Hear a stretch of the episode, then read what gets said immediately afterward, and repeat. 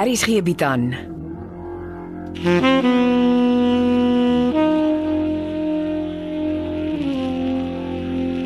Beproeving deur Jo Kleinhans.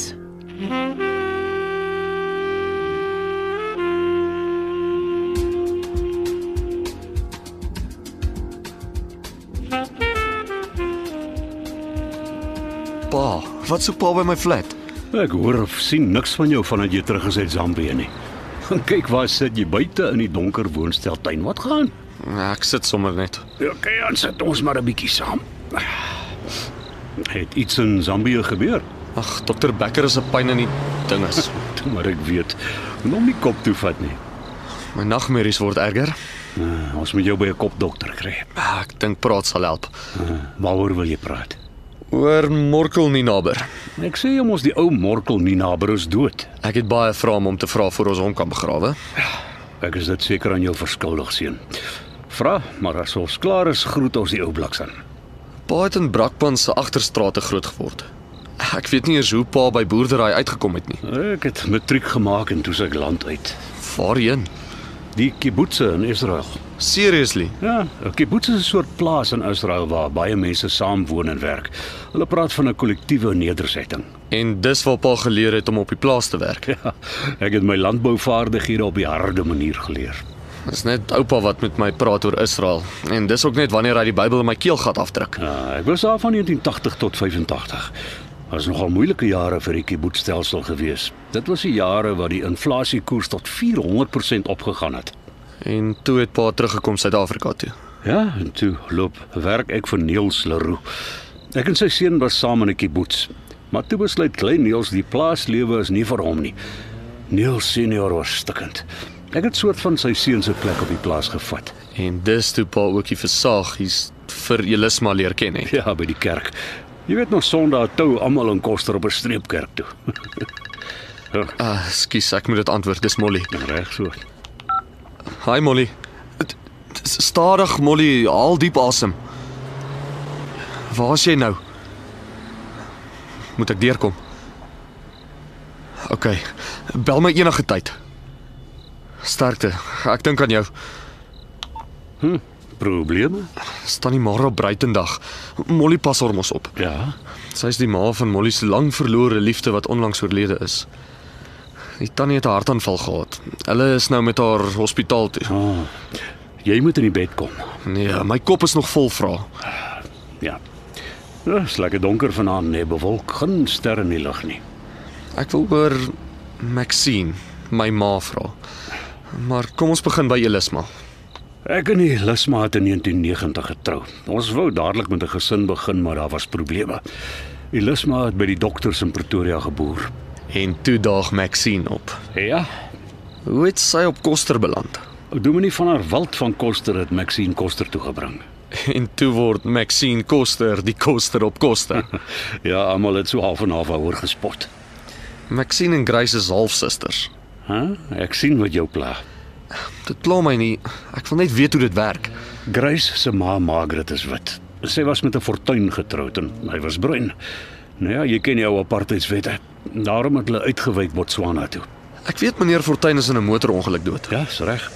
En toe kom Margaret terug Suid-Afrika toe en trou met Ferdinand Koster. En Maxine is toe uit die huwelik gebore. En leef die Kosters nog. Ja, Ferdinand is dood, maar ek verstaan Margaret leef nog iewers. Grace sal meer weet. En toe raak Maxine met Morkel Nina by die mekaar. Ag seun, dit help nie ek lieg vir jou nie. Ek en Elis maar in twee wêrelde geleef. Sy was die groot kunstenaar. Ek was Brakpan se agterstraatklong wat sy pad boontoe oopgebeklei het. Maxine was spontaan, sy was pret. Ons het geklik en mekaar se geselskap geniet. Hey, kyk net daai klop studente, hulle is so warm jy kan met hulle swys.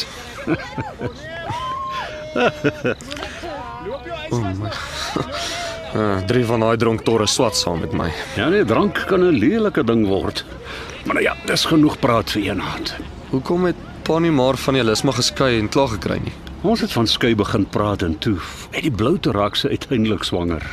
Maar sy was ongelukkig nie die enigste een wat skielik verwag het nie. Nee, Maxine was ook swanger. Jessie pa. Dit het net gebeur. Nee, niks gebeur sommer net. Seker nie ek ek het nie vorentoe of agtertoe geweet nie. Hoekom het Dominee van der Walt nie toe al ingegryp Hy nie? het nie geweet ek is die skuldige man nie. En ek sien dit my beskerm. En toe fire hulle haar as koster. Ja, maar dit was die kerkraad, nie dominee van der Walt nie. Die ou man het vreeslik beklei vir haar. Ek onthou die sonoggend het sy preek gegaan oor die oorspelige vrou.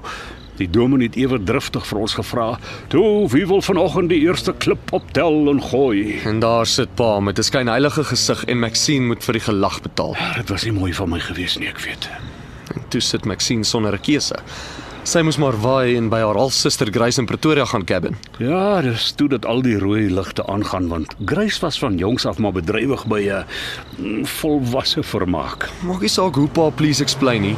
Pa het Maxine onder die bus ingegooi. Die ou Morkel en Nina het baie foute gemaak. Dis hoekom ek die man wil begrawe en oorbegin.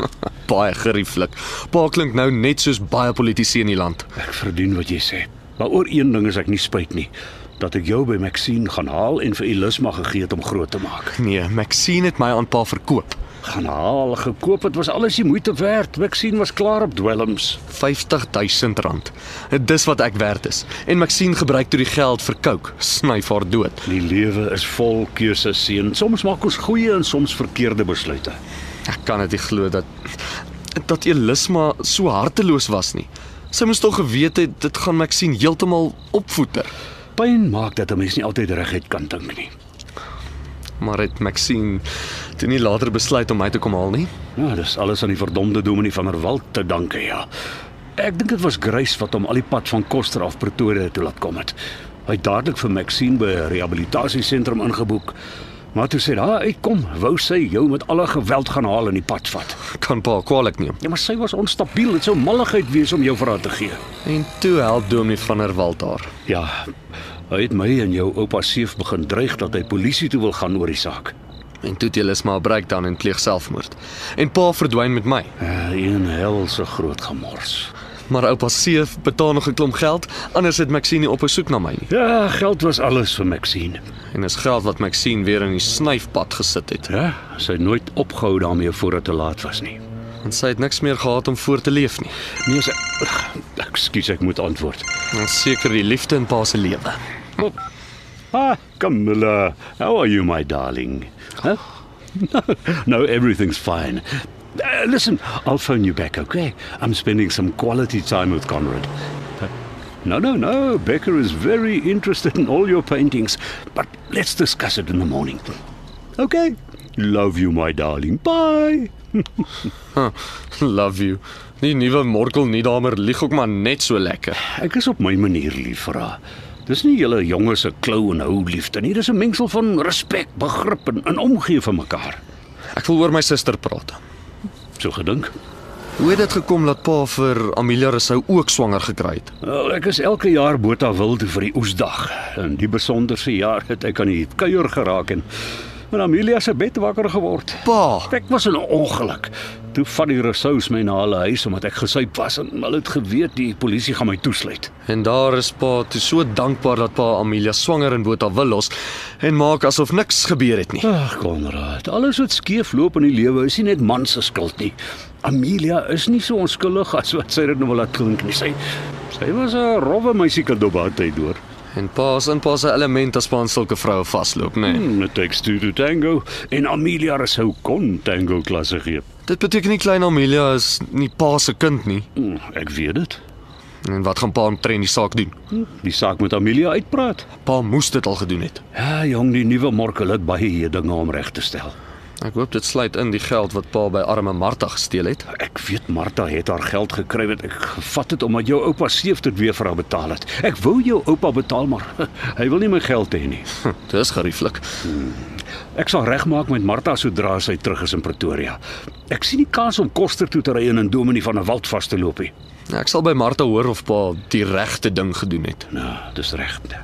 Hey, kyk waar staan die tyd? Ons moet in die bed kom, jong. Ek het nog vrae. Laat laat ek eers iets van my hart afkry. Kyk, ek gee toe Morkel Ninaber was 'n vrotpa. 'n Afwesige pa, Ja. En ek het jou ook besteel. pa het en dit het damn seer gemaak. Ag, jy kan maar in jou rekening kyk. Ek wil nie hê jy moet ooit weer bakhand voor jou oupa seef staan nie. Ek is jou pa en ek sal sorg vir jou. Ek het gesien die geld is inbetaal, maar solank pa weet, vir my gaan dit nie eintlik oor die geld nie. Ek soek my pa, Ek weet, ek weet. Die lewe het my skeef geklap en ek het baie daarvan op jou uitgehaal. want ek was nog al die jare die wortel van pa se probleme. Ag nee nee, jy kan nie so sê nie. Nee, ek kan. En dis waar. Elke keer as pa na my kyk, sien pa die oorsaak van al pa se Nee, probleme. nou nou vat jy dit te ver. Ek is nie die enigste een wat 'n kopdokter nodig het nie, pa. Ag, die nuwe Morkel se kop is reg. Pa dink so, maar pa weet dit nie. Dit gaan nou lekker. Pa het geld en alles loop reg. Wat gebeur as die bilte weer kom? Ek het vrede in my hart en dis al wat saak maak, Konrad. Hmm, die tyd sal leer. Uh, nog een dingetjie, daar is uh, iets oor Cindy wat jy moet weet. Wat? Daar's 'n tweede baie belangrike bepaling in haar ma se testament waaroor sy nie praat nie. En hoe weet pa dit? Oh, PJ Stoffberg, jou oupa se privaat speurder, daai tyd het my vertel. En hoe weet hy dit? Uh, my het Cindy se laptop skoongemaak. Die inligting op die laptop is vertroulik. Ja, ja, ja, maar ek dog net ek vertel jou dat sodra Cindy na haar mondigwording trou, ontvang sy onmiddellik haar erfporsie. Sy hoef nie te wag tot na haar hospitaaljaar voltooi is nie. Maar Cindy het alles behalwe trouplanne. Kyk seun, jy en ek weet dat Dawie Becker 'n groot probleem vir Cindy is. En vriende help mekaar. Ek hoop nie pa probeer sê wat ek dink pa probeer sê nie. Kom nie. Julle stel 'n behoorlike huweliksvoorwaarde kontrak op. Julle trou en Becker is vir goed uit Cindy se lewe. Net toe ek dink die ou Morkel is dood en begrawe, staan hy lewensgroot voor my. Ag man, ek gaan nie 'n sent uit jou en Cindy se huwelik maak nie. Ek is versorg. Ek wil bitter graag my seun gelukkig sien. Deur Cindy 'n huwelik in te dwing. niemand dwing niemand nie. Dink net vir 'n paar minute buite die boks. Ek hoop nie pa bespreek ooit sulke twak met Cindy nie. Ek het. Pa, Sy was net so ontstel soos jy. Maar die saadjie is gesaai. Dis 'n opsie. Dis al wat dit is. Dink daaroor. vergeet dit. OK. Kom ons praat oor iets anders. Eh, Vertel my eh, ja, vertel my wat in Zambië gebeur het. Pa sê sy dokter Becker en sy vriend van die kunsateljee net elke skildery fyn bekyk. Ja, hulle wil graag as agent aangestel word. Maar onthou pa, ek het mos vir pa oor die foon gesê, een van die Fransjo van Dyk skilderye pla my baie. Mhm. Uh -huh. Want een van ouma se Sarah se skilderye lyk presies dieselfde. Wat sê jy nou eintlik vir my? Hoekom skilder my ouma 'n Fransjo van Dyk skildery wat klaar in Zambië in Camilla Thompson se huis hang? Ah, jy praat van ouma Susara se laaste werk wat sy geskilder het. Ja, en ek verstaan glad nie wat hier aan die gang is nie. Dit maak twee van ons. Dis presies wat my pla. En dis hoekom ek jou Zambië toe gestuur het om te sien of dit jou ook pla.